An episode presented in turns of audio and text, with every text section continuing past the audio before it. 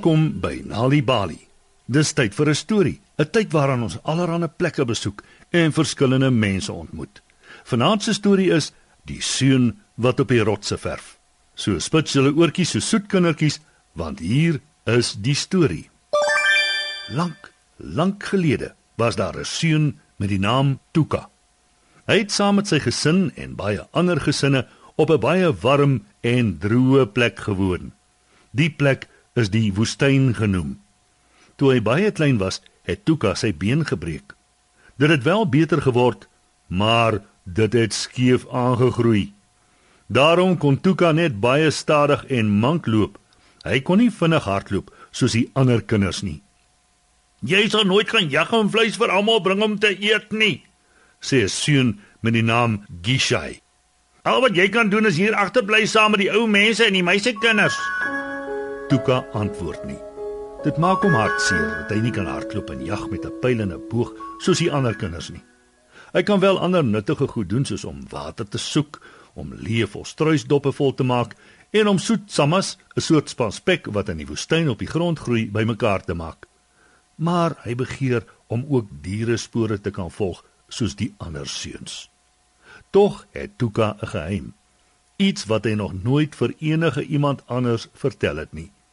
Hy hou daarvan om te verf. Wanneer hy rotse sien, kies hy die gladste een. Dan vat hy 'n veer. Dit is sy kwas. Hy meng kleure, verf in twee springbokhorings en begin verf. Tot dusver het hy al hasies, skilpaaie en akedisse geverf. Eendag, toe Tuka net wil begin verf, hoor hy skielik stemme agter hom praat. "Wees gegroet, Tuka." "Ja, wees gegroet," sê die stemme. Tuka draai om en duins terug van skok. Voor hom is daar die grootste voël met die langste nek wat hy nog ooit gesien het. Langs hom is daar 'n eislike groot dier met die langste neus wat hy nog ooit gesien het. "Gegroet," antwoord die seun. "Hoe kan ek julle help?" "Ek is 'n volstruis," sê die voël. "Ek het nog nooit gesien hoe ek lyk nie. Sal jy 'n tekening van my verf sodat ek myself kan sien?" Ek sal probeer, sê Tuka. En ek is 'n olifant, sê die dier met die lang neus. Ek het ook nog nooit gesien hoe ek lyk nie. Sal jy 'n tekening van my verf sodat ek myself kan sien? Ek sal probeer, antwoord Tuka.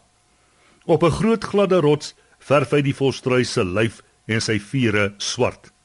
Om sy vlerke, sy stertvere en sy lang nek te verf, gebruik Tuka klei gemeng met bessiesap om 'n ligte pink kleur te kry.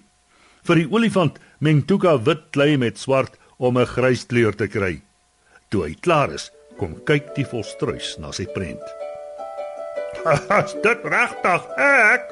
roep die volstruis gelukkig. "Ek het nie geweet ek is so aantreklike voël nie. Dankie Tuka, dit was baie gaaf van jou." Eendag het jy dalk my hulp nodig om jou teen slegte mense te beskerm, dan roep jy my net. Ek kan baie hard skop. Ek sal hulle so hard skop, hulle sal skoon uit asem raak. Is dit 'n belofte? vra Tuka. Ja, ek beloof. Toe is dit die olifant se beurt om na sy tekening te kyk. Hoe wonderlik en fris aan ja, lyk ek nie. roep olifant gelukkig. Ek kan sien ek het baie groot ore en tande. Dankie Tuka. Dit was gaaf van jou. Eendag het jy dalk my hulp nodig om jou teen slegte mense te beskerm. Dan roep jy my net. Wanneer die slegte mense my sien, sal hulle bang wees. Ek vertrap hulle met my groot pote. Hulle sal weghardloop.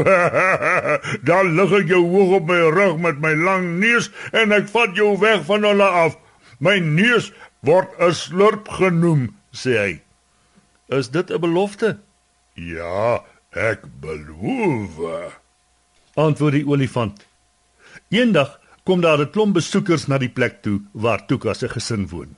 Terwyl hulle daar rondloop, sien hulle Tuka se rotstekeninge. Wie het dit geverf? Vra een van die besoekers. Niemand weet nie totdat Tuka skaam sê: "Ek het Ons wil Tuka saam met ons huis toe vat sodat hy ons mense kan leer om ook soos hy te verf. sê 'n ander besoeker. Tuka se gesin stem in en hy verlaat sy tuiste en vertrek saam met die besoekers na 'n plek toe wat hy nie ken nie. Daar wys Tuka die besoekers hoe om diere te verf deur geel en rooi klei te meng om 'n bruin kleur te maak. Hy wys hulle hoe om krimpvarkpenne en skerp klippe te gebruik om tekeninge op rotse en volstruis eierdoppe te kerf. Hy wys hulle ook hoe om tekeninge op volstruis eierdoppe te maak. Tuka besoek ook baie ander mense. Hy kry selfs kans om die groot blou see te besoek en skulpe bymekaar te maak. Hy verf selfs 'n tekening van 'n wit boot op 'n klip. Maar uiteindelik wil hy teruggaan na sy gesin toe. Hy begin stadig huis toe loop met sy versameling seeskulpe en sy tekening van die bootjie. Die pad is baie lank. Hy vorder nie ver nie toe twee seuns met messe voor hom verskyn.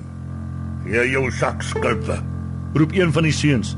Tuka weet hy kan nie weghardloop nie en hy skree hard: "Help! Help!" "Jou dom seun! Hier's niemand wat jou kan help nie," sê die ander seun. Maar dan verskyn Volstruis skielik. Hy skop die seun so hard dat hulle skaars kan asem kry. Hulle messe val op die grond. Ha, dankie dat jy jou belofte gehou het. Dis 'n plesier, antwoord Volstruis. Toe is daar 'n harde dondergeluid soos wat olifant tussen die bome deur aangehardloop kom na waar Tuka en die seuns is.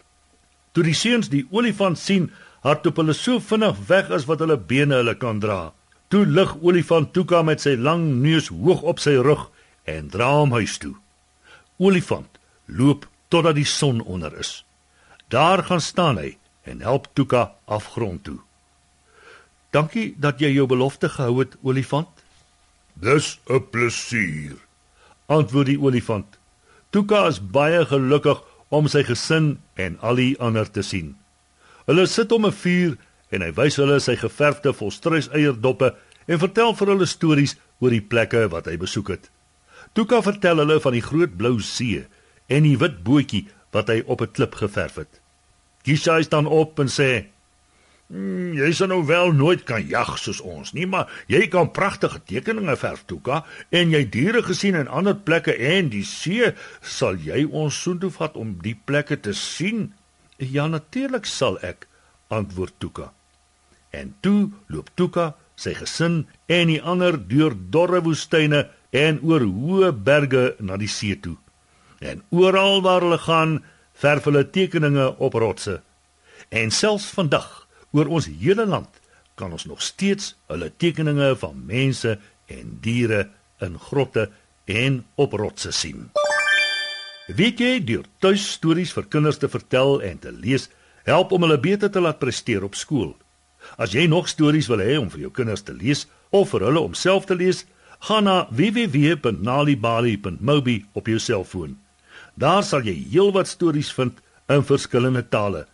Jy sal ook wenke kry oor hoe om stories vir kinders te lees en met hulle te deel sodat hulle hulle volle potensiaal ontwikkel. Story Power, bring dit huis toe. Besoek ons op www.nalibali.mobi of kry Nalibali op Facebook en mix it. Die Nali Bali byla met pragtige stories en heelwat aktiwiteite is beskikbaar in KwaZulu-Natal Sunday World Engels en isiZulu, Gauteng Sunday World Engels en isiZulu, Vrystaat Sunday World Engels en Sesotho, Weskaap Sunday Times Express Engels en isiXhosa en Ooskaap The Daily Dispatch Dinsdae en The Herald Donderdag Engels en isiXhosa.